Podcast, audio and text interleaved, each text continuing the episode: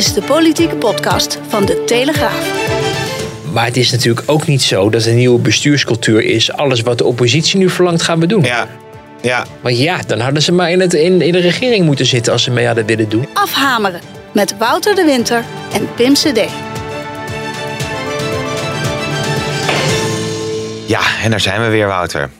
Omzien. Hè? Nee, nee, nee, nee. Oh, nee, ik dacht, nee. ik praat er meteen overheen. Zeker niet. Nee, zeker niet. We hebben, niet we hebben onze luisteraars nu echt wekenlang lopen kwellen met, met vertelsels over Aladdin en de musical. Ja, ja, ja. En jij was gewoon zelf Aladdin aan het spelen in het Midden-Oosten, in. Abu Dhabi. Ja. Waar je ook op je Instagram, Zeker. Hè, volg hem. ja, ga dat vooral bekijken, zou ik Een zeggen, soort, een mensen. soort, een soort prins, of pri- prins Aladdin. Het was een hele eh, spontane foto, hoor. ik had Oh. het niet eh, zo eh, Oh. bedoeld, maar hij kwam er goed uit. Ja, maar ik, ik vond het zo leuk om te zien, want ik dacht, heb hij al die tijd op dat sprookje zitten wachten op die musical waar hij niet naartoe kon. En dan mocht hij gewoon zelf. Ik dacht, ik ga het Aladdin zelf spelen. beleven. Nou, Hoewel ik wel weer moet zeggen dat eh, uiteindelijk die eh, Formule 1 race was niet echt een Aladdin sfeer.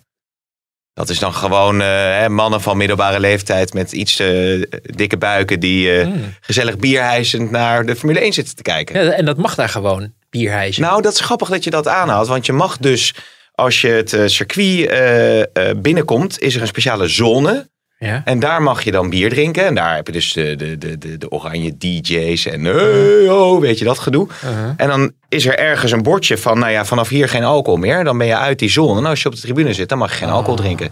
En na de race gaat iedereen weer naar die zone toe. En dan wordt er weer heel hard gedronken. Hypo- hypocrisie, je komt het overal tegen. Zo is het maar net. Maar ik wou zeggen, omzien naar elkaar en vooruitkijken naar de toekomst. Wat vind je van eh, die slogan? Nou, ja, ach, meh. Het is niet heel sterk, hè? Nee. Het is een, een combinatie tussen eh, hè, conventionele, omzien naar elkaar, hè, de medemenselijkheid, het gemeenschapsgevoel. En eh, het andere is eh, liberaal, ook, ook enigszins progressief natuurlijk, want dat wil Ja. Sigrid Kaag heel lang. Maar je weet, met motto's van kabinetten, daar heeft iedereen het één dag over, of eigenlijk twee. Net als met ministerschappen, de eerste en de laatste. En Ja. de volgende keer over eh, vier jaar of drie jaar eigenlijk, of misschien nog eerder als het kabinet eerder ten val komt, dan gaan we weer eens kijken. Wat was het motto ook weer van, van Rutte 4? Dan Ja. denken we, oh ja, Ja. Hoor ook zo die van die bruggen, bruggen, bruggen bouwen. bruggen slaan. Bruggen slaan, die Ja. staat me nog wel bij. Ja, Ja, want het was eerst bruggen bouwen. En ik meende dat destijds eh Stef Blok zei van ja, dat is niet daadkrachtig genoeg. Het moet bruggen slaan zijn. Want Ja. dat, is, eh, dat geeft aan dat er echt ja, actie wordt ondernomen, zullen Ja. we zeggen. Oké, oké, maar goed. eh, Hoe is jouw gevoel nu dit eh, coalitieakkoord is eh, gesloten? Ja, een nieuw elan zou het, zou het moeten zijn. Mhm. Welk gevoel bekruipt jou? Nou, het is ehm, denk ik, maar dat hebben we natuurlijk ook uitgebreid in, ons, in onze krant op onze site beschreven. Een grote overwinning voor D66 geworden. Echt de winnaar van de, van de formatie. Waarbij je eigenlijk bijna het idee krijgt dat ze ook de verkiezingen hebben gewonnen. En de grootste partij zijn geworden. Maar dat is, eh, dat is niet zo. Het was ook grappig. Voordat ik hier naartoe kwam, we nemen dit eh, vandaag op donderdag, eh, donderdagmiddag op. Ik had ik liep door het kamergebouw en er was iemand, een D66er, die de deur open hield voor me. Oh ja? Even wennen, maar die had de krant kennelijk gelezen vanochtend. Want ze zijn er toch wel heel blij mee. Ik kreeg van een prominente D66 ook een berichtje. bewaar exemplaar. Want hè, ze dachten Ja. dat we, dat, we, ja, dat we altijd alleen maar dingen opschrijven die ze niet leuk vinden. Maar we proberen gewoon fair en balanced verslag te doen. En eh, ja, als je het regeerakkoord leest, zie je gewoon veel punten waar D66 heel tevreden over kan zijn. En waarin je echt wel een ja, beweging ziet in hun richting. Wat op zich niet ongebruikelijk hoeft te zijn. Hè, als je wat groter wordt met, met verkiezingen. Ook zeker omdat je richting eh, je linkse concurrentie. En je eigenlijk je voorkeursvariant vanuit D66, PvdA en GroenLinks. eh, ook iets moet laten zien aan je kiezers. Van luister, wij hebben wel... eh, wij leveren wel voor, voor wat we u hebben beloofd in, eh, Ja. in verkiezingstijd. Dus dat ze dat stempel erop duidelijk op wilden drukken, mogen duidelijk zijn. Ik begreep ook vandaag van een onderhandelaar dat al vrij vroeg in het proces al gelijk die zware dossiers die zij belangrijk vinden rond stikstof, rond klimaat, eh, eh, echt wel onderwijs ook echt wel echt naar voren hebben geschoven. Dat er al heel vroeg in het, in het, in, tijdens de onderhandelingen over gesproken werd.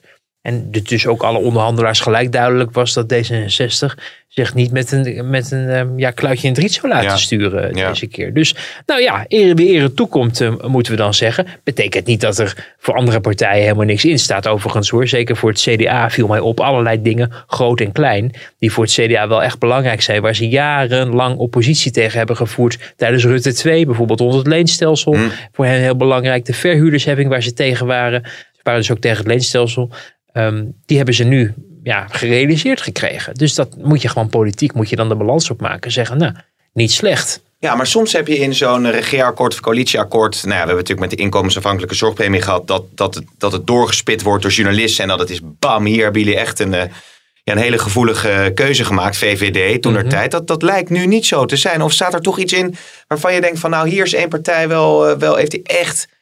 Ja, buiten misschien de medisch-ethische kwesties voor de Mhm. ChristenUnie. Maar dat is natuurlijk eigenlijk ook wel weer, met alle Ja. respect, klein bier.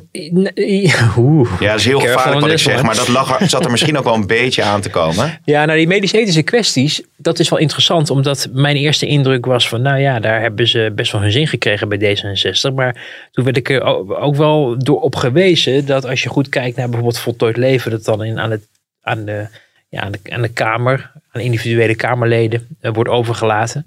Eh, en dat betekent niet automatisch dat daarmee een meerderheid is. Daar hopen ze wel op bij D66, Mm. maar dat is niet automatisch zo. En dat zag je bijvoorbeeld ook met de orgaandonaties. Dat, ehm, nou ja, die medisch-ethische kwesties over de, door partijen heen eh, ja, verschillende eh, stemgedrag oplevert.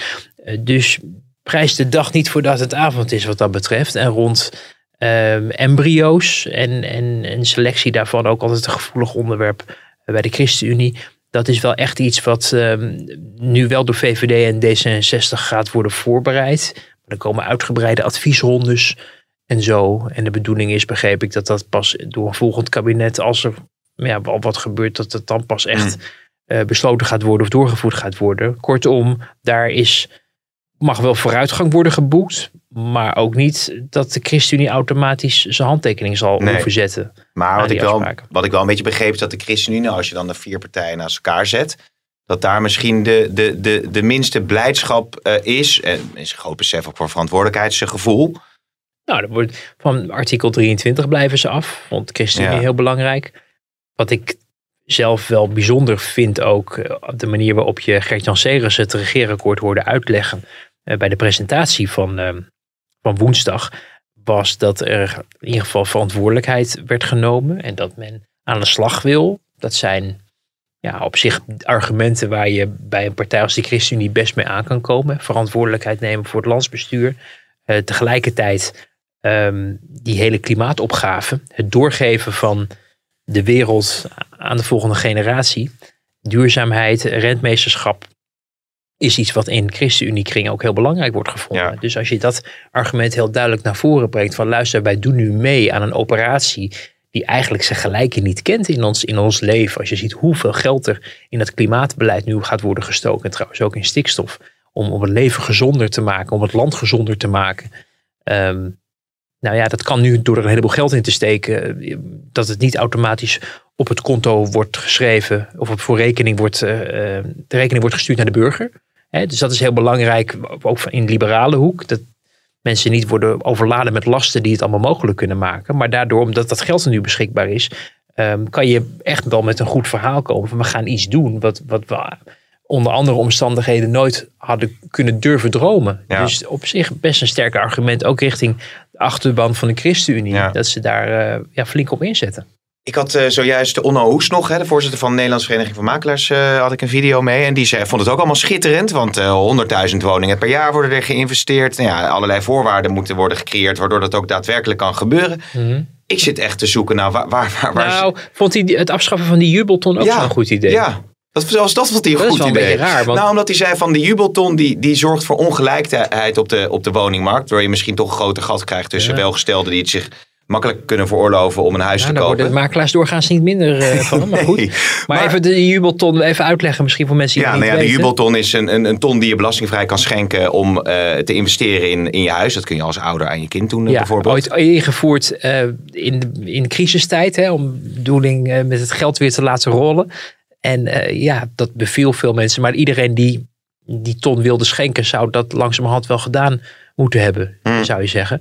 Eh, dus ik weet niet of het, of het onmiddellijk tot een heel grote eh, teleurstelling zal leiden. Maar ehm, ja, dat is ook wel iets wat, wat men ja, toch wel probeert te doen in het grotere pakket. Om die woningmarkt uit de slop Ja. te trekken. Ja. Ehm, maar het is niet zo dat iedereen tevreden is over Nee. wat allemaal wordt voorgesteld. Maar noem daarin is het belangrijkste punt. Ik weet niet of je dan achter de schermen wil kijken bij de politieke partijen Ja, of meer ja. in de samenleving. Dat is goed. Nee, ik, ik vond, eh, nou ja, de migratieparagraaf vind ik, vind ik vaag. Vind ik ook niet heel daadkrachtig. Daar sprak ik vandaag ook met een onderhandelaar over die ook wel aangaf van ja, maar het is ook niet eenvoudig. Hè? Dat is eigenlijk dezelfde problemen waar je tegenaan loopt als Rutte 1 tegenaan is gelopen. Destijds nog in de gedoogconstructie met Wilders.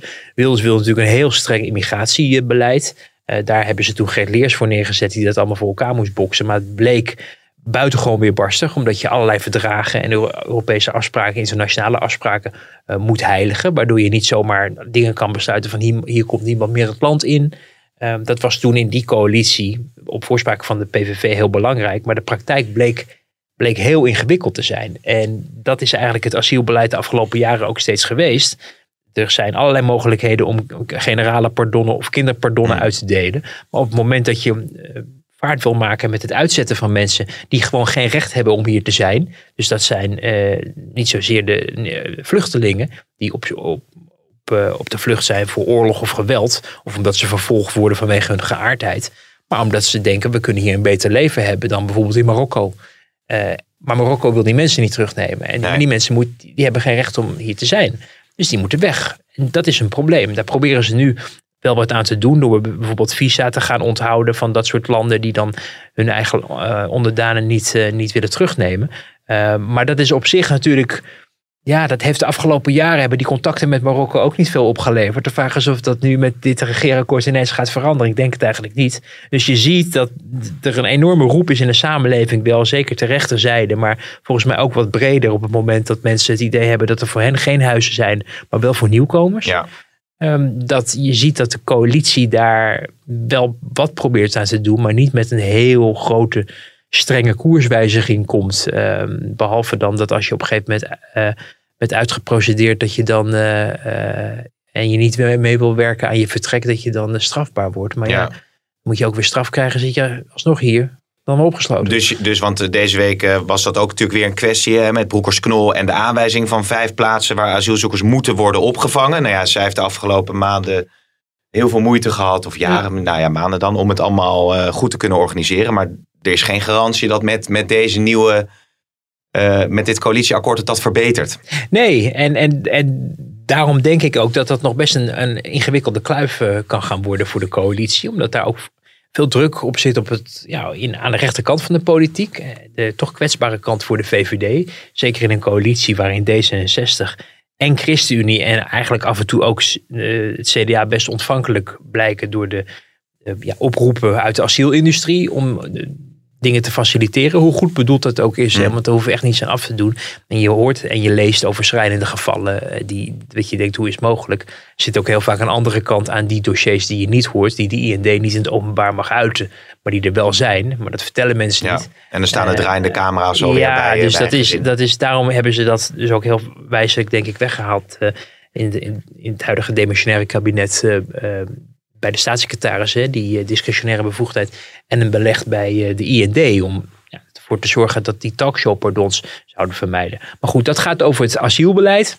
Als je kijkt naar bijvoorbeeld de zorg, dat wordt wel echt nog steeds een probleem. Je ziet dat het, eh, kabinet, of de nieuwe coalitie moet ik eigenlijk zeggen, probeert om toch iets van een beteugeling op de stijgende zorgkosten Ja. te, te realiseren. Eh, dat is nodig omdat die zorgkosten jaar over jaar over jaar stijgen. Eh, Er wordt wel eens gesproken over eh, bezuinigingen op de zorg, maar er is eigenlijk steeds geld bijgekomen. Alleen wij willen meer en we verwachten ook meer en we willen handen aan het bed, allemaal hele en liefdevolle zorg en weet ik veel wat allemaal. En dat kost allemaal geld. En dat moet ergens vandaan komen. En dat komt nu steeds uit de algemene middelen. Want we laten het bijvoorbeeld het eigen risico al jaren ongemoeid. Ehm, dus er wordt een steeds groter beroep gedaan voor stijgende zorgkosten op eh, wat we eigenlijk allemaal aan belastingen eh, binnenbrengen. En eh, ja, het gevolg daarvan is, en dat is ook al door dit kabinet over, overigens onderkend, dat de zorgkosten als een soort koekoeks. Ja, dat zei Rutte ook, hè? Ja, de rest, de rest en het is niet deze, komt niet eens van, van, van, van Rutte, dus die heeft hem ook geleend van iemand. Uh, maar dat die, de, de uitgaven bij andere sectoren die we ook belangrijk moeten vinden, bijvoorbeeld onze veiligheid, bijvoorbeeld onze defensie, uiteindelijk ook ons onderwijs, al die dingen die ook belangrijk zijn, die uit de belastingen betaald moeten worden, uh, ja, eigenlijk uit het nest duwt. En um, ja, dan zegt de coalitie, ja, we willen daar toch de komende jaren op een of andere manier wel enige beteugeling op. Het blijft nog steeds stijgen, alleen minder snel dan zonder ingrepen mogelijk zou zijn. En je ziet dat in de Kamer mensen gelijk vooraan staan om te zeggen, schande. Marijnissen natuurlijk ook, hè? Marijnissen, Klaver, die dan zeggen van ja, wij komen nu met een voorstel in het kader van een nieuwe bestuurscultuur om jullie voorstellen een beetje aan te passen. En het eerste wat jullie doen is nee zeggen. Waar ik u op aanspreek is dat u dus niet bereid bent om de manier van werken hier in Den Haag te veranderen. Nou, dat begrijp ik echt niet. Maar dacht, nou, ik Sorry, als u dat niet begrijpt, het spijt me vriendelijk, maar wat heeft u dan in vredesnaam de afgelopen negen maanden gedaan? En het is het eerste voorstel wat we hier doen. En het is gelijk niet. Ik ben bereid om te accepteren dat er een kabinet komt waar u weer premier in wordt. Maar als u denkt dat te kunnen doen op precies dezelfde manier zoals u dat de afgelopen tien jaar heeft gedaan, dan heeft u echt een dik, vet probleem. Ja, nou, dat is duidelijke taal van Klaver. Nou, hij is bereid om te accepteren dat Rutte weer premier wordt. Nou, ik geloof niet dat er zoveel accepteren aan is voor hem. Want dat is iets wat gewoon gaat gebeuren. With or without him. Uh, without trouwens. Hij had ook with kunnen zijn als hij zelf had meegedaan. Maar goed, dat is allemaal niet gebeurd. Uh, maar dit gaf wel een beetje de toon van het debat aan over het regeerakkoord. Dat de oppositie denkt, oké, wij kunnen nu kennelijk meebesturen. En we kunnen, hoeven ons niet helemaal aan het regeerakkoord te conformeren. En dan zijn ze bereid om met onze voorstellen mee te gaan. En er werd dan van die zorg, uh, werd, daar, werd daar een punt van gemaakt door de twee linkse partijen. Ik geloof ook de SP inderdaad, is ook een linkse partij. Maar goed, even los van het blokje, het tuinhuisblokje, zullen we maar zeggen.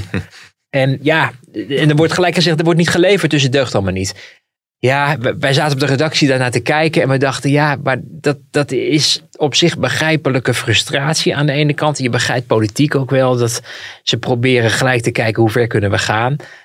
Uh, maar het is natuurlijk ook niet zo dat een nieuwe bestuurscultuur is. Alles wat de oppositie nu verlangt gaan we doen. Ja, ja. Want ja, dan hadden ze maar in, het, in, in de regering moeten zitten als ze mee hadden willen doen. Ja, hoewel, en, natuurlijk, los van elkaar. hoewel natuurlijk met het vaststellen van de begroting wel meer zo uh, leek te zijn. Hè? Dat Hermans uh, wat geld ja. uitdeelde en ja. dat de, de linkse partijen daarop konden inhaken. Waarvan jij toen ook al zei, u hoorde het dus als eerste in de podcast, maar dat dat eigenlijk ook niet zoveel voorstelde op dat moment.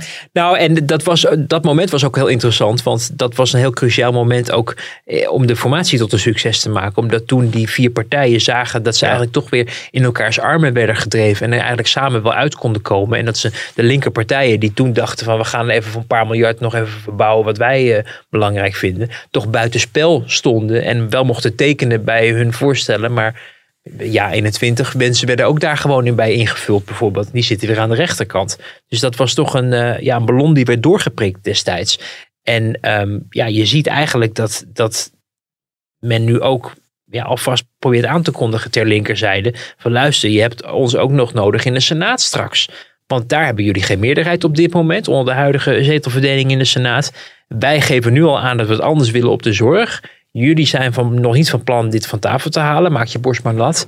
Dan gaan jullie zorgbegroting, je zorgplannen straks niet door de Senaat. Maar je hoort wel al in de nieuwe coalitie dat zij zich niet vastpinnen op die linkse partijen. Maar ook zelfs bereid zijn, zelfs vanuit D66, uh, om te kijken of je bijvoorbeeld met ja 21, ja. die heel groot zijn in de Senaat, allemaal ja. ex-forum zetels, om daar een, uh, ja. een, overeenkomst mee te sluiten. En dat betekent dan toch dat, want, want er, er zat ook wat ja, verbittering misschien in, in, in de manier waarop Klaver Rutte, Rutte aansprak. Is het, is het dan een soort besef van, van, van hoe het politieke spel nu uiteindelijk is neergedaald? En wat de positie van het tuinhuisjesblok bijvoorbeeld daarin zal zijn? Kijk, het hoort bij de oppositie natuurlijk om uh, oppositie uh, uh, uit, uit, te hangen. Klinkt wat oneerbiedig, maar om oppositie te voeren. Dus um, de beuk erin. En zeker als je niet mee mag doen met, met een kabinet. Is voor hen denk ik wat lastig ter linkerzijde dit keer. Omdat D66, zoals we net bespraken, echt wel wat dingen heeft binnengehaald. En als jij miljarden, tientallen miljarden gaat steken in stikstof ja. en, en, en, klimaatbeleid.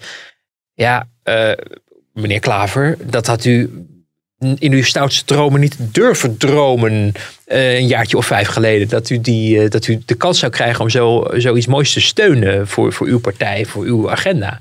Dus dat maakt het ingewikkeld. Dus dan ga je je pijlen op een ander vlak richten waar je, denkt, waar je denkt, nou daar zit, daar zit de pijn, dat is een kwetsbaarheid. En dat is het natuurlijk ook. In deze tijd, met onzekerheid over onze gezondheid, de coronacrisis, de, de, de capaciteit, de, de prikproblemen. Er is zoveel mis. En als je dan als coalitie naar buiten rolt, ja, we gaan maar eens wat geld weghalen. Eh, Eigenlijk geld minder meer. Hè? Dus minder geld eraan besteden dan je onder normale omstandigheden zou doen. Ja, dan, dan eh, denk je dat je daarmee een punt kan scoren. Ja. Alleen, ja, ook als Jesse Klaver in het kabinet had gezeten met GroenLinks of de PvdA, dan had die zorgkosten ook eeuwig kunnen blijven exploderen. Ja. Ja, ja, ja. Overigens, eh, over die nieuwe bestuurscultuur gesproken, is, is dat niet wel een terecht punt dat als je nu terugkijkt naar wat er de afgelopen maanden is gebeurd en de, de, de waarde die er aan die nieuwe bestuurscultuur is gehecht, en je ziet uiteindelijk wat er in het coalitie-regeerakkoord staat, valt dat dan tegen? Of is het dan nog maar de vraag wat we Nou. daarvan in de praktijk gaan zien? Het, het stond al in het eerste hoofdstuk eigenlijk. Hè. Daar beginnen ze natuurlijk ook niet voor niks als eerste mee. En we zaten dat zo te lezen. En we dan gaan naar het lezen. Nou, noem eens een paar echte hele concrete Ja. punten waarmee je kan zeggen, nou, het roer in het land gaat om. Ik vond dat best ingewikkeld. Het zijn veel dingen en ook veel goede bedoelingen. Ik zie het overigens vaker in een regeerakkoord hoor. Want we moeten ook niet doen alsof regeerakkoorden altijd volledig zijn uitgevoerd de afgelopen jaren. Vaak verzandt een flink deel gewoon in de onuitvoerbaarheid. Eh, daar is trouwens dit, deze coalitie wel heel bedachtzaam over. Hè. Ze hebben op een aantal punten echt gezegd van we gaan er nog niet mee gelijk het u voor het volgend jaar beloven. Bijvoorbeeld afstraffen van het leenstelsel. Want het kost een heleboel tijd om dat allemaal goed te regelen. En te begeleiden en, en in te voeren. En structuurveranderingen aan te brengen. Dus dat kost tijd. En we gaan niet het onmogelijke beloven. Want dan krijg je ongelukken zoals we hebben gezien rond de toeslagen. Ehm, ik denk dat ehm, de nieuwe bestuurscultuur zich vooral zal ehm, manifesteren in, in het gedrag van politici. Zowel van coalitie, maar ook van oppositiehuizen. Natuurlijk ook in het kabinet. Eh, en niet zozeer in de opgeschreven plannen. Nee. Het is meer, meer modus operandi, waarvan we zullen zien of die alleen uit noodzaak geboren Ja. wordt op het moment dat de zetels nodig zijn. Of dat men echt probeert met uitgestoken handen eh, die Kamer meer eh, ruimte te Ja. geven. Ik ben daar wel sceptisch over, moet ik je zeggen. Want ja, uiteindelijk is, blijkt het toch een stuk eenvoudiger als je het met de coalitie kan regelen. Ja, ja, want je, en je kunt jezelf ook niet helemaal heruitvinden, geloof ik. Hè? Zei Rutte zelf dat, Dat nou? zei Rutte, ja, Ja. dat hij daar niet in gelooft. Nee, En dat is natuurlijk ook een goede voorbode dan. Ja, hoewel dat ging natuurlijk vooral over zijn, Hm. zijn persoonlijke ehm, manier van politiek bedrijven. En ja, dat is natuurlijk interessant om, om te beschouwen vanwege de moeilijke verhouding die hij had met Sigrid Kaag de afgelopen, wat was het, eh, acht, negen maanden. Waar toch een soort klein wondertje is gebeurd. waarin eerst men eh, elkaar de tent uit vocht. Hoewel dat vooral, eerlijk is eerlijk, wel vanuit Kaag werd geïnitieerd. Het was niet zo dat Rutte eh, de oorlog had verklaard aan Kaag. Het was eerder omgekeerd, maar niet voor niks. Omdat Rutte had gelogen over of hij het nou wel of niet over Pietse omzicht had gehad. Ja. Enfin, lees, eh, luister naar de vorige podcast over, wat hebben Nou we ja, het vaak over gehad. Wat wel interessant is, Wouter, want je hebt het over die nieuwe bestuurscultuur. En, en nou, dat ligt dan ook aan, aan hoe de, de, de hoofdrolspelers zich gaan gedragen. Maar eh, bij, dan heb ik het nu dus over woensdag. Hè, ze zaten ze allemaal bij Sven Kokkelman. Die vroeg aan Sigrid Kaag van nou met die zeg... meloen. Ja, ja. Ja. met die balloen, ja. Ja. Klopt, ja. Ik wilde weten eh, aan wie ik hem moet uitreiken deze keer. Namelijk, misschien Gert-Jan Segers zal hem herkennen. De meloen. Wie slikt... kleine meloen hoor. Eh, Ja, nou ja, ik Je dacht... kunt hem ook opensnijden natuurlijk. En Wie heeft de grootste meloen moeten slikken? Wie heeft de grootste meloen moeten slikken? Dat was wel gek, hè? Nou ja, god, ja, je probeert het een beetje Kom, we, we, te maken, maken. we, we ma- we maken er eventjes een, eh, een Sander van der Wulp, eh, eh, Joost Vullings momentje van. dat, dat was wel gek, hè, Pim? Nou ja, ja, hè? ja. Oh, ja. Maar, de, nee, maar ja, de meloen doorslikken, hè, dat kwam natuurlijk van, eh wat is het, van Segers zelf, toch uiteindelijk. eh. Maar ehm, er werd Kaag dus ook gevraagd van, eh, zegt u het maar, gaat u eh, in het eh, nieuwe kabinet zitten of gaat u in de Kamer? En ze wilde daar op dat moment nog geen antwoord op geven, Mhm. want ze zegt dat komt dan op een later moment, Ja. waarmee meteen weer werd geframed als waarof werd gezegd van ja, daar, daar, tot zover de transparantie. Ja, nou ja, ja gevreemd. Kijk, eh, ik, ik zeg dat, laat ik er twee dingen over zeggen. De hele poppetjeskwestie is dit keer heel vroeg van start gegaan. Normaal is dat veel later in het proces, omdat mensen. En er moet naslag verricht worden. En wij hebben heel vaak de afgelopen nou, sinds ik bij de Telegraaf werk, twaalf jaar geleden begonnen, gemerkt dat je sommige dingen helemaal niet al weken van tevoren kan zeggen, maar soms zelfs een één of twee dagen daarvoor pas, omdat het dan pas rond is met het doorlichten van de dossiers. Eh, we hebben ook wel eens informatie meegemaakt dat we veel eerder al dingen wisten. Eh, over die poppetjes. Maar dit keer zit het vrij vroeg in het proces. En dat komt natuurlijk ook omdat de rest van de materie tot, tot de laatste dag, want toen konden we wel wat melden, maar in het regeerakkoord behoorlijk dicht bleef. Dus er waren geen grote le- lekkages waardoor eh, iedereen wist er komt wat aan. Maar we weten ook niet precies wat. Dus we gaan maar met elkaar in kranten en op websites en op televisiezenders eh, speculeren over wie er allemaal in het kabinet gaan komen. Dus dat proces is naar voren gehaald. Zelf natuurlijk heeft de, de aanstaande coalitie daar natuurlijk ook eh, voeding aan gegeven. Omdat ze hebben gesproken over nieuw elan. En dan ga je denken, nou dat betekent dus dat iedereen die al minister is weg moet. Nou, het zal ongetwijfeld ook wel, wel wat meevallen.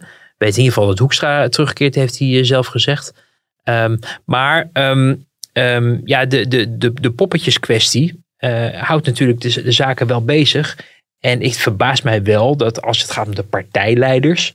En die hebben toch echt eerste keus als de dingen ver- verdeeld worden. Dan weten we dat zeker als niet het kabinet wil en Rutte wil premier worden. Dat je afvraagt van waarom kan eh Kaag niet heel duidelijk aangeven wat zij gaat doen. Waarom kan eh Ja. Hoekstra dat niet aangeven? En heeft dat wellicht te maken met het feit dat, eh, en dat hoorde ik wel van een van de onderhandelaars, dat nog niet alles binnen de smaldelen, dus binnen de partijen vaststaat. Het is in het afgelopen kabinet ook gebeurd dat iemand nee zei, waardoor er toch nog een switch is geweest. Je zag het vrij recent toch op het moment dat Bijleveld van het CDA het veld ruimde en, en eh, ja, eigenlijk toch vervangend minister Kaag Buitenlandse Zaken moest opgeven. Het was een VVD-post, maar dat Stef Blok weer daar was vertrokken.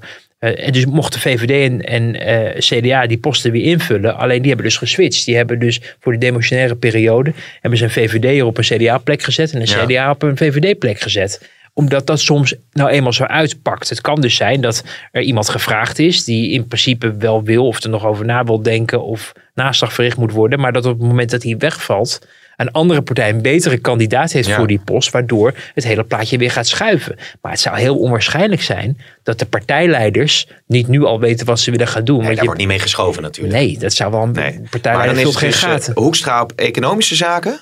Ik, ga, ik, ga, ik vind Nee, het echt risky gevaarlijk? om een beetje nu te gaan speculeren. Dit is eigenlijk te laat om te speculeren. Je moet het nu eigenlijk echt weten. Het laatste wat ik, wat ik echt over Kaag uit meerdere hoeken hoor is minister van Financiën. Hè, de plek van Hoekstra. Vanwege het feit dat ze de twe- tweede partijen is en buitenlandse zaken niet bij Nee. D66 terechtkomt. Dat weet ik wel. Tenzij er dus weer mensen gaan wegvallen en schuiven. Maar eh, buitenlandse zaken is geen D66-post geworden. En daardoor kan je concluderen Ja. dat Kaag er niet naartoe gaat. Ehm, maar goed, ehm, ze zei gisteren, dat was dus woensdag, dat ze vandaag en morgen, dus is woensdag en donderdag, niet gaat zeggen waar ze terecht gaat Nee. komen. Dan concluderen wij vrijdag. Ja. En dan denken, wat gebeurt er op vrijdag? Nou, dan zijn er misschien talkshows, dan zijn er misschien weekendkranten die verschijnen. ehm, in, En? die verschijnen op zaterdag op de mat en op Ja. vrijdagavond al online. En dan kom je op vrijdag. En Ah. wie weet dat we daar ja. Iets horen. Nou, je had het over lekken en ik moest daar wel om lachen. Want eh eh, Gommi, zoals eh, onze vriend eh, binnen de kabinetskringen wordt genoemd. Gommers, die, die, die zei pardoes in een interview... dat Kuipers was benaderd om minister van Volksgezondheid te worden. Maar dat hij het nog wel even... Dat het nog niet zeker was dat het ook daadwerkelijk ging gebeuren, geloof ik. Had je dat meegekregen? Ja, ik, ja nou, we hebben het hier al vaak over die man gehad. En ik heb diep respect voor iemand die in deze tijden het moeilijke werk doet.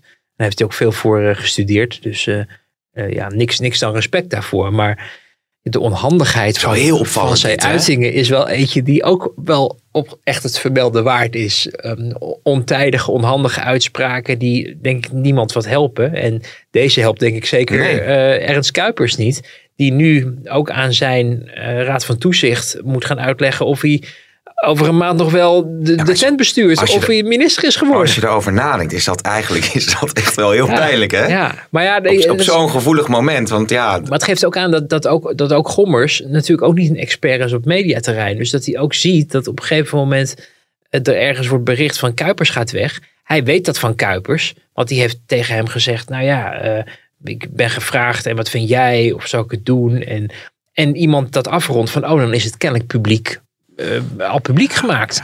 En, en dus in al zijn onschuld zegt, ja, natuurlijk heb ik daar met Kuipers over gesproken. Ja, Terwijl het Haagse niet? spel natuurlijk is, je mag het allemaal niet zeggen. Nee. Want stel je nou voor dat Ernst Kuipers, en ik zeg niet dat het zo is, maar stel je nou voor dat Kuipers iets heeft Ja. in zijn verleden waardoor het onhandig zou zijn om minister te worden. Dan gaat iedereen zich afvragen, hey, je bent geen minister te wo- geworden, terwijl Kuipers wel zei dat je daarvoor benaderd was. Ja. Dus wat, wat zit er Ja. in jouw verleden? Maar is dat dan een Weet vakminister eigenlijk? Of van welke partij is hij? Weten we dat? Dat, dat weten we niet. Eh, de veronderstelling is dat het, dat het VVD D66 is, D60 vooral.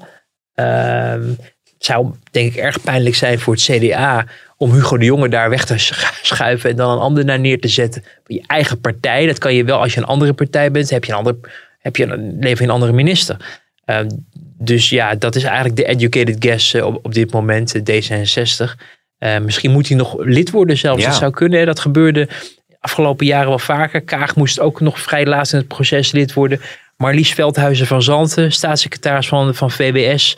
volgens mij ook een vriendin destijds van, of iemand uit de persoonlijke kring van toenmalig partijleider Maxime Vragen. Die werd de dag voordat ze beëdigd werd, geloof ik, CDA-lid. Dus dan zie je dat dat soms ook gebeurt. Maar dat zou op zich passen in de nieuwe bestuurscultuur. Mensen van buiten halen met verstand van zaken. Ja. En die een ministerie laten aanstellen. Wel heel interessant om te zien natuurlijk als Kuipers daadwerkelijk die functie krijgt. eh, hoe zich dat gaat verhouden hè, met al de kritiek die er op de jongen was. Nou, Kuipers is natuurlijk een van de belangrijke ja, elementen daarin, zeg maar, betrokkenen. Als je daadwerkelijk Mhm. de eindverantwoordelijke wordt. ja, Ja. zullen ongetwijfeld ook weer besluiten aan moeten komen die Zeker. niet goed gaan of gevoelig liggen, et cetera. En, en weet je, nu was zijn. eh, hij, ik, vind, ik vind hem. Van alle mensen. Ja, dat klinkt nu bijna een beetje als een slijmage. Een slijmage. Maar ik vond van hem. eh, ik, vond hem eigenlijk altijd de meest eh, geloofwaardige. Omdat ik Ja. altijd het idee had dat hij er niet voor zijn persoonlijke. eh, ijdelheid zat. Nee. Ik, ik zag, merkte wel, ik heb ook een paar keer met hem in die talkshows gezeten. En dan merkte ik wel dat hij het leuk vond en interessant. En ook leuk vond om mee te praten over dingen wat altijd risky is. Maar ik vond wel dat het iemand is die echt wel met gezag en kennis. En dat, hij is natuurlijk ook hij is een, een arts, hè? hij is nu dan de bestuursvoorzitter. Maar iemand die kan, die kan wat, die weet waar hij het over heeft. En die zou. En hij stuurt nu al een organisatie aan. Dat is natuurlijk ook heel erg belangrijk. Dus Ja. dat zou op een departement ook heel kunnen heel goed kunnen. Het enige wat ik wat eh, risky nog vind, maar dat kan soms goed uitpakken, is dat iemand die het politieke spel niet kent. En als jij straks in een nieuwe bestuurscultuur meerderheden moet gaan zoeken en mensen moet overtuigen voor de juiste koers, om, eh, om bijvoorbeeld dingen rond corona passen, als die over een tijdje nog bestaan, want dat weet je tegenwoordig met Omicron ook niet meer. Maar om die door de Kamer te krijgen. eh, nu kan hij dat doen vanuit zijn autoriteit als eh, bestuursvoorzitter van, eh, van de UMC en die de, bedden, de beddenverdeler, zullen we maar zeggen. Eh, maar er komt natuurlijk een moment dat je echt het politieke handwerk moet doen. En Ja. dan zullen we zien of hij eh, ook dat kan. Dat weten we op dit moment. Maar die noem jij wel als ook al, du- ja, dus door wat ook Gommers heeft gezegd, maar dat is dus een hele serieuze kandidaat. Eh, Marcel Levy, die zal misschien teleurgesteld zijn met andere publieke figuur. niet. I- I- Ja, ja. Nou ja, goed, genoeg Ja. daarover. Is er, zijn, er wel, zijn er wel nog andere namen die echt, eh, of functies, eh, minis- ministerie, eh, staatssecretaris, eh, die heel opvallend zijn? Je hoort dat Hugo de Jonge wellicht op wonen gaat eh, dan, hoewel Pieter Heerma zijn va- vader het weer deed, hè? Ja, Volkshuisvesting. Heerma wil het, wil het echt die niet. wil het echt niet, hè? Nee, die, eh, die vindt het toch eh, nooit helemaal duidelijk waarom hij dat nou vindt. Hij, hij houdt het altijd heel bescheiden en ziet zichzelf denk ik meer als een man van achter de schermen. Hoewel hij de afgelopen jaren natuurlijk ook eh, CDA-fractievoorzitter is geweest, waarnemend. Hè, nadat ehm Sibran Buma is eh, opgestapt. Eh, maar goed, Pieter Heerma heeft ook wel gezien hoe het destijds rond zijn vader ging. Eneas Heerma. Ja. Er is nog een mooie brug naar hem vernoemd bij, eh, bij richting Eiburg in Amsterdam. En eh, dat was ook een strijd om het leiderschap toen. Het is allemaal niet, allemaal niet fijn gegaan. Dat, volgens mij heeft het ook wel, heeft ook wel gezien hoe zijn vader daar eh, onder leed. En misschien ook de hele familie hier, maar ook Mm. wel onder leed. Eh, dus dat dat toch altijd misschien ook wel weer ja, een beetje eng is. Hij heeft natuurlijk ook heeft een gezin, kinderen. Het kunnen persoonlijke afwegingen zijn. Eh, maar het is wel iemand die heel erg belangrijk is al Ja. jaren voor het CDA achter de schermen. Ooit als woordvoerder, inmiddels al een tijdje als Kamerlid, onderhandelaar, fractievoorzitter. Eh, en ehm, ja, ik denk ook dat we hem de komende jaren in de CDA-fractie zullen zien. Ehm, ik heb wel eens gehoord dat hij echt geen fractievoorzitter meer wilde worden. Kan je ook niet helemaal uitsluiten. Nee, oké. dit is, hiermee, eh, met deze veelzeggende stilte, kunnen we dit weer afronden. Wat is dat spannend, hè? Hoe dat allemaal gaat, eh, gaat lopen. Ik ben daar zo benieuwd naar. Dus dan zou de, de functie voor de jongen wel vrij kunnen komen op dat toch een mooie ministerie van Wonen. Maar goed, Misschien stopt hij er wel helemaal mee. kijk, mensen ervan. Nee, ja, Nee, maar ik zit, ik zit even probeer jouw stiltes even te duiden. nou ja, ik, omdat ik ook eigenlijk gewoon best wel moe De ben. Heerma stilte was een andere stilte dan een de jonge stilte. Ja, weet je, het, het, het lastige is daarvan dat niemand het met zekerheid durft te zeggen, omdat dingen dus nog kunnen verschuiven. Sommige mensen willen ook wat bedenktijd. Je hoort ook theorieën van, het wordt heel erg ingewikkeld om minister te zijn op één post. Terwijl je in een parlementaire enquête verantwoording afleggen, moet afleggen over een andere post die je in een vorig kabinet hebt bekleed, maar waar wel hele grote fouten zijn gemaakt. Wil je jezelf dat aandoen? Eh, wat ik wel pijnlijk vond deze week aan die coronapersconferentie. Was wel, ik bedoel, er is zoveel misgegaan. En misschien is het ook goed dat iemand anders het gaat doen. Om te kijken of het dan beter gaat. Weet je niet, hè? Want het is echt niet zo dat Hugo de Jonge alles verzon. Er zit een heel departement achter. Ja. Allemaal topambtenaren Ja. die hem adviseren. En die geven dezelfde adviezen ook aan de nieuwe bewindspersoon. Maar goed, wie, je, je weet niet. You, you never know what you have till it's gone. En, en vice versa. Dus Ja, ja. maar, maar het was ook wel pijnlijk, vond ik. Je hebt Zo'n vraag van, ja, staat u de volgende keer nog? Die moet je stellen als journalist. En dan vervolgens Rutte die zegt, ja jongens, laten we even serieus houden. Een beetje Rutte, Rutte die de jongen dan beschermt. En dan eh, wordt er een vraag gesteld over wat het nieuwe kabinet gaat doen. En dan zie je de jongen demonstratief naar Rutte kijken. ja. Dat zijn signalen Die beeldspraak die zegt Die- eigenlijk die genoeg op dat op- moment. oppikt. Dat je, ja, je moet toch gaan Kremlin watchen doen in deze tijd. En dan trek je daar toch wel bepaalde conclusies uit. Ja, Ja, En dan zul je uiteindelijk misschien zien over... Ja, nou ja, goed. Ik ga niet helemaal... We, we dwalen nu een beetje af. Want ik hebben we nee, vorige week ook al een beetje over gesproken. Nou, ja. toen, jij, toen jij lag ik te heb deel, ik in heb de- een deel wel geluisterd. Ik heb een deel wel geluisterd, ja. Ik wou even kijken wat er allemaal voor jawel, nare ja. dingen werden gezegd over mij. Maar dat Niks. viel redelijk mee. En toen... eh, Er was één klager op Twitter over. oh, echt waar? Ja, die vond dat ik onaardig was, te- was tegen je terwijl je niet was. Oké, oké. Maar ik zat alleen maar te denken... Verder kijk ik nooit op Twitter, zeker niet in deze dagen. Nee, dat is beter. Maar goed, we hadden, nu we het over corona hebben, kunnen we ook allemaal afslagen nemen. Maar ik denk dat ook gezien de week hoe die is geweest, we lekker even strak doorpakken naar Amalia. Ja, Want dat was natuurlijk een van de redenen waarom dit nog een heel heet weekje voor jou eh, was. Het feestje in de, onder, onder het, eh, de, de, op het terras, hè? Onder, in, in, onder een tentcel, geloof ik, waar iets Ja, te veel eh, vrienden en vriendinnen op aangebouwd aan een huis op het, op in, in het park, wat dan bij Paleis Huis ten Bosch hoort. Waarvan ik zou zeggen, het is de paleistuin, maar dat noem je dan het park. Tegen een huis aan wat ook op het park staat. Enfin, eh, nee, we hebben meerdere mensen met, kennis van zaken daarover gesproken. En eh, werden getipt dat er eh, zich daar een feestje had voltrokken. Waarmee de coronaregels ruimschoots overschreden waren. Eh, dat heb ik ja, aangehouden tegen het, ja, de Rijksvoorlichtingsdienst. De Mhm. mensen die namens de koning en namens het, het kabinet en namens de minister-president de woordvoering doen over wat zich daar allemaal afspeelt. Als het relevant is om, om te melden. Hè, want er is ook natuurlijk zoiets als de privésfeer. Ehm, en toen kwam ik er al s- vrij snel achter dat dat niet goed was gegaan. Omdat de koning, de minister-president, na mijn vraag had benaderd om te zeggen dat de dingen niet goed waren gegaan.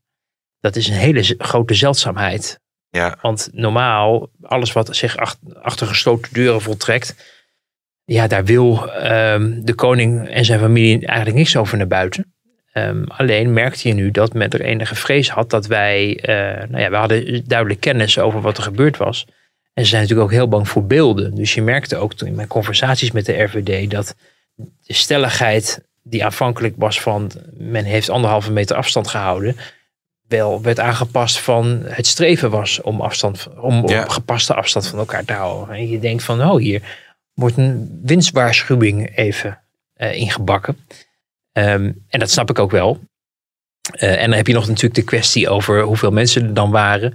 En nou, duidelijk veel meer dan de vier die het kabinet zelf adviseert aan, eh, eh, aan heel Nederland inmiddels al een tijdje. Het koninklijk paar en de prinses hebben gedacht, nou ja, als wij dat in de tuin doen, dan is het in de buitenlucht, dan is het vrij. En maar ja, het blijkt dus dat als jij een tuinfeest geeft, dat daar kennelijk dezelfde regels voor gelden dan als je dat binnen doet. Toch één huishouden of huisomgeving of zo. En ze dus tot de conclusie moesten komen dat ook al deden ze het met met de intentie en het idee van het maakt niet uit, eh, dingen toch niet goed zijn gegaan. En dingen hadden anders georganiseerd moeten worden, zei de koning. Eh, ik heb wel even nagevraagd van, heeft dat dan uiteindelijk alleen maar betrekking op het aantal mensen wat is gekomen of ook nog op andere zaken, bijvoorbeeld het afstand houden of wat dan ook. En, en daar werd gezegd van, nou ja, het is ehm, bedoeld over het hele plaatje en het aantal mensen is daar onderdeel van. Heb je natuurlijk nog de kwestie, ja, hoeveel mensen waren er nou eigenlijk? Dat is heel moeilijk te beoordelen voor mij, want ik was er niet bij. Waren op onze bronnen die onze verhaal eh, konden vertellen wat eigenlijk helemaal klopt. En die noemen daar ook een concreet getal bij, namelijk het getal van 100 of circa 100. Dus veel meer dan de 21 mensen die zouden zijn uitgenodigd. Al dus de RVD. Ja, ik was daar niet bij. Ik heb het alle twee opgeschreven, omdat ik dacht, ja, het zijn twee verschillende versies. Maar ik merkte dat de RVD onzeker was over datgene wat ze erover konden vertellen. Omdat ze er pas van wisten toen ik ze erover benaderde. Dus wat kan de RVD dan doen op het moment dat een journalist iets vraagt over wat zich in het Koninklijk Huis heeft afgespeeld, maar waar ze geen weet van hebben, dan kunnen ze het alleen maar vragen aan de koning. Of aan zijn vrouw, maar de koning is de, de, de liaison natuurlijk met die RVD. Dus de, de, de koning en de minister-president, of de, de RVD en de minister-president moeten varen op wat de koning hen vertelt. Dat kan maar beter wel echt kloppen. Maar aan de voorzichtigheid waarmee ik de woordvoering van de RVD tot mij kon nemen, merkte ik dat ze het ook niet helemaal zeker wisten. Nee. En er wel van uitgingen. En zo was het nou eenmaal aan hen verteld. En daar moet je dan van uitgaan. En je ziet dat soort kwetsbaarheden zijn in het verleden vaker gebeurd rond de Oranjes. Je kan je misschien nog Mabel Wisse-Smit herinneren. Die natuurlijk ook eh, bij hoog en bij laag eh, volhield dat ze niks te maken had gehad met eh, dubieuze criminele vrienden. Ik ken jou, wat was het ook alweer? Hè? Ja, ja, ja ik, ik ken jou wel. Ja, Peter R. de Vries. Mooie, mooie scoop was dat. Eh, die lange of zo. Ja, die lange. Die lange. Ja. Ik ben Charlie, de bodyguard van die lange. Klaas Bruinsma. Overal wat hij ging, ging ik ook mee. Mabel, ken je me nog? En toen heeft Balkenende in de aanloop naar het huwelijk van de, eh, Friso en, eh, en Mabel natuurlijk ook gezegd tegen onwaarheid is geen kruid gewassen. Waarmee je eigenlijk tentoongespreid zag dat op het moment dat, dat je een verhaal te horen krijgt van de mensen waar het om gaat. Maar het niet klopt en iedereen ziet dat het niet klopt. Dat het heel ingewikkeld wordt om de ministeriële verantwoordelijkheid nog in te Ja, vullen. ja. Want weet je, je staat echt, echt voor paal Ja. op, op zo'n moment. Ja. Eh, dus die voorzichtigheid eh, eh, is er. En je zag ook in de reactie van de minister-president dat het een verstandige reactie vond van de koning. Nou, dat, Ja. dat is binnen al die ministeriële verantwoordelijkheid eigenlijk best wel een tik op de vingers. ja, ken je me nog? Mabel, ken je me nog? Ja, Als het niet zo is. Ja. Maar het punt is natuurlijk dat je aan de ene kant kan denken... en er zijn natuurlijk ook heel veel eh, lezers en luisteraars en kijkers van de Telegraaf... die sowieso koningsgezind zijn. En iedereen heeft het helemaal gehad met die coronacrisis Oh, ik natuurlijk. ook hoor. Dus vanuit dat, en dat meisje, eh, die vrouw, eh, de toekomstige koningin, wordt 18. Dus dan denk je van, ja, oké, soit. En je hebt aan de andere kant natuurlijk keer op keer, en dat heb je ook geschreven in jouw analyse, van dat er toch telkens weer incidenten zijn waarmee ze toch eh, laten zien dat het, dat, ja, dat, dat het ze moeite kost om, om aan te haken op het sentiment dat op dat moment in de samenleving Mhm, speelt. Of wat zich op dit moment, hè, je zit nu in de situatie dat de scholen een week eerder dicht gaan, dat iedereen hoort van we gaan met vier nou. mensen kerst vieren ook. Daar past het dan. En dingen kunnen ook echt, echt met goede intenties gebeurd zijn. Alleen, en hier, dat is, de, ja, dat is nou eenmaal het lastige van in het paleis wonen. Maar ook wel weer, eh, ze hebben natuurlijk een enorme bevoorrechte positie. Ze hebben namelijk een heel apparaat. De dienst Koninklijk Huis en via de RVD en eigenlijk alle ministeries. De koning kan in principe ook eh, een, een, een minister of een staatssecretaris bellen om iets te vragen. Dat zal hij niet snel doen, heeft hij zijn mensen voor. Maar als jij iets wil organiseren en je wil het precies doen volgens het Ja. boekje, dan kan je je daar ook je adviseurs natuurlijk eh, naar vragen. Alleen je ziet, en dat snap ik ook wel weer vanuit het Koninklijk Huis, die denken ja, we hebben ook nog een privéleven en we gaan niet ons hele privéleven aan allerlei mensen vertellen wat wij, waar wij mee bezig zijn. En daar, hoeven, daar hebben zij niks mee te maken. Als, als Amalia of Maxima samen willen gaan winkelen in Den Haag, dan rijdt er wel een beveiliger achter. Uh, maar zij kunnen zelf auto rijden. Dat zagen ja. we, in ieder geval Maxima. Ik geloof, Amalia moet natuurlijk het rijbewijs toch halen. Maar we zagen die foto dat Maxima zelf achter het stuur zit. Die mensen hebben een privéleven. Je gaat niet, ze, moeten al, ze worden al de hele tijd geschuild en gevolgd ja. door beveiligers. Dus die willen zoveel mogelijk hun eigen leven leiden. En, en dat snap ik ook. Maar ja, op het moment dat bericht wordt dat de koning naar aanleiding van een vraag die ik heb gesteld, zelf de minister-president gaat zeggen dat, dat er in de privésfeer iets niet goed is gegaan, ja, dan is het nieuws. Notabene, er is een hele Kamerbrief over verschenen. Dus kennelijk is het zo vermeldenswaardig dat, dat de minister-president het eh, terecht vond dat daar de Tweede Kamer eh, over geïnformeerd moest worden. Ja. Dus dat is niet niks. Dan- Ik snap heel goed dat mensen dan zeggen, ja, dat kind en ach, zielig en we doen, maken allemaal... Niet onfeilbaar. We Hè? zijn niet, en we trouwens allemaal, want we zijn allemaal klaar met die, met die maatregelen. En, en de vraag is hoe, in hoeverre maatregelen, maar dat hebben we hier ook al heel vaak besproken, überhaupt nog effectief zijn voor het doel wat je wil bereiken. Hè? En is het niet achterhaald? En wat helpt het als mensen die gevaccineerd zijn met een mondkapje rondlopen in de supermarkt, terwijl elders mensen ongevaccineerd alles mogen doen wat eh, verboden is, zullen we maar zeggen. Dus daar kan je een hele eh, discussie over beginnen. Alleen ja, dit was gewoon een, een nieuwsfeit. En dus, Ja. dus schrijf Nee, erover. dus eh, is dat, eh, is dat duidelijk daarover bericht? Een kras op de kroon? Of dat is een beetje te veel Nee. geschreven? Hè? Nee, nee, nee. Dat, dat, dat, dat vond ik echt wel van een andere Ja. orde. Omdat dat, dat, daar was echt een totale ja, fuck-up. ook in, in kabinetskringen. Waar die kabinetskringen, kabinet, die, die onduidelijke signalen eh, eh, afgaf. over of je nou wel of niet het land uit mocht. En wel naar België of niet. En in de herfstvakantie moest je thuis blijven. Of dicht bij huis blijven. En ondertussen wist niemand in het kabinet waar de koning uit hing. En dat was natuurlijk één grote rotzooi destijds. het is allemaal En- niet fraai. Nee, en dit, dit, was, eh, ja, dit was gewoon heel erg ongelukkig. Maar ook wel dat je je wel afvraagt van ja, als je al die mensen tot je beschikking hebt om het zeker voor het onzekere te nemen, waarom, waarom Ja. maak je daar dan geen gebruik van? Ja, nou ja, misschien is het voor Amalia meteen ook een goed, eh, goede boodschap zo nu ze 18 is. Om dat in de komende jaren allemaal eh, zorgvuldig uit te voeren. Nog even tot slot Wouter. Want dan ga, ga- is er echt even wat ruimte om adem te halen weer en tot rust te komen. Ehm, je hebt nu dus, eh, nee, je krijgt, eh, in januari krijgen we ook de poppetjes te zien. regeerakkoord, Rutte 4. Ik hoor zoveel geluiden van, nou, we moeten het nog maar zien. Hè? Komende jaar, komende twee jaar, dan is het wel klaar een beetje. Met alles wat eraan komt, onderzoeken. eh, naar corona ook, toeslagenaffaire, Groningen, noem het maar. Gaan, gaan, gaan deze, gaat dit- deze nieuwe ploeg met eh 50% man, 50% vrouw eh, vier jaar volmaken? Ja, dat is wel een hele goede vraag. Het lijkt alsof iedereen ervan uitgaat dat het toch niet gaat gebeuren. Eh, ja, omdat gemakshalve wordt geconcludeerd dat als er parlementaire enquêtes komen, dat het dan kabinetten aftreden. Ik weet niet of dat eeuwig het sentiment blijft. Eh, daar, we hebben gezien dat we als land gewoon, en dat is trouwens niet de schuld van het land, maar dat is de schuld van politiek Den Haag, negen maanden hebben, hebben verspeeld van de, de kostbare tijd in deze coronacrisis, waarin een land gewoon bestuurd moet worden, eh, voortvarend.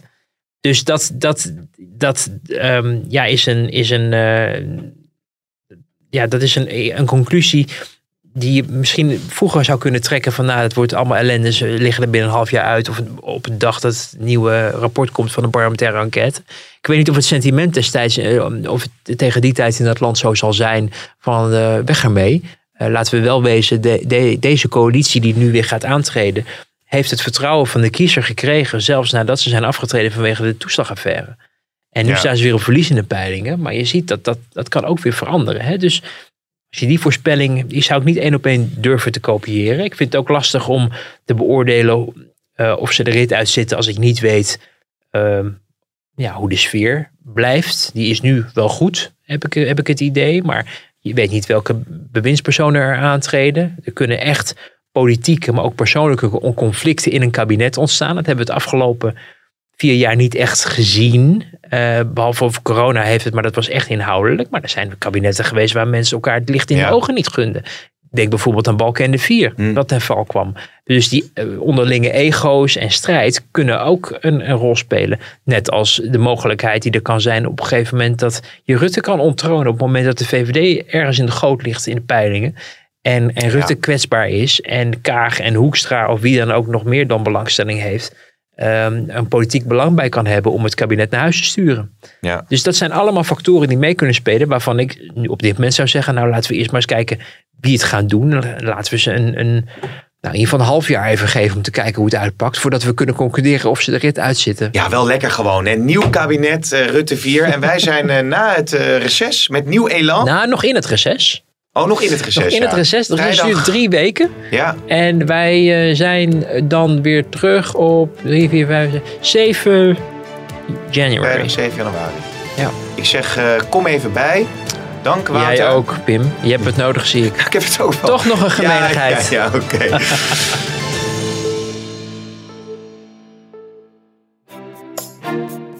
Wil je meer podcasts luisteren? Probeer dan ook eens Kwestie van Centen. De financiële podcast van De Telegraaf. Even verondersteld, ik kan mijn Tesla kopen met een bitcoin. Wat heb ik daar als consument aan dat dat kan? Met scherpe analyses van Martin Visser Ik denk dat de centrale bank redelijk klem zit. Nu heb je een soort sprookje waarin die schulden van die landen formeel allemaal houdbaar zijn en terugbetaalbaar zijn, omdat die rente zo kunstmatig laag is gehouden. en Herman Stam. Ik ben een beetje zo'n star hè, volger. Nee, dat, dat weet ik. Vind ik gewoon mooi. Elke vrijdag een nieuwe aflevering. Te beluisteren op de site of in de app van De Telegraaf of via je favoriete podcast-app. Luister naar deze podcast. We gaan dit vaker doen, want we hebben volgens mij nog wel honderd vragen over. Maar ik wil even voordat we... Ik denk dat het wel duidelijk is dat ik wat eh, sceptisch ben. Oh, 300% rendement. Nou, daar ga ik aan meedoen.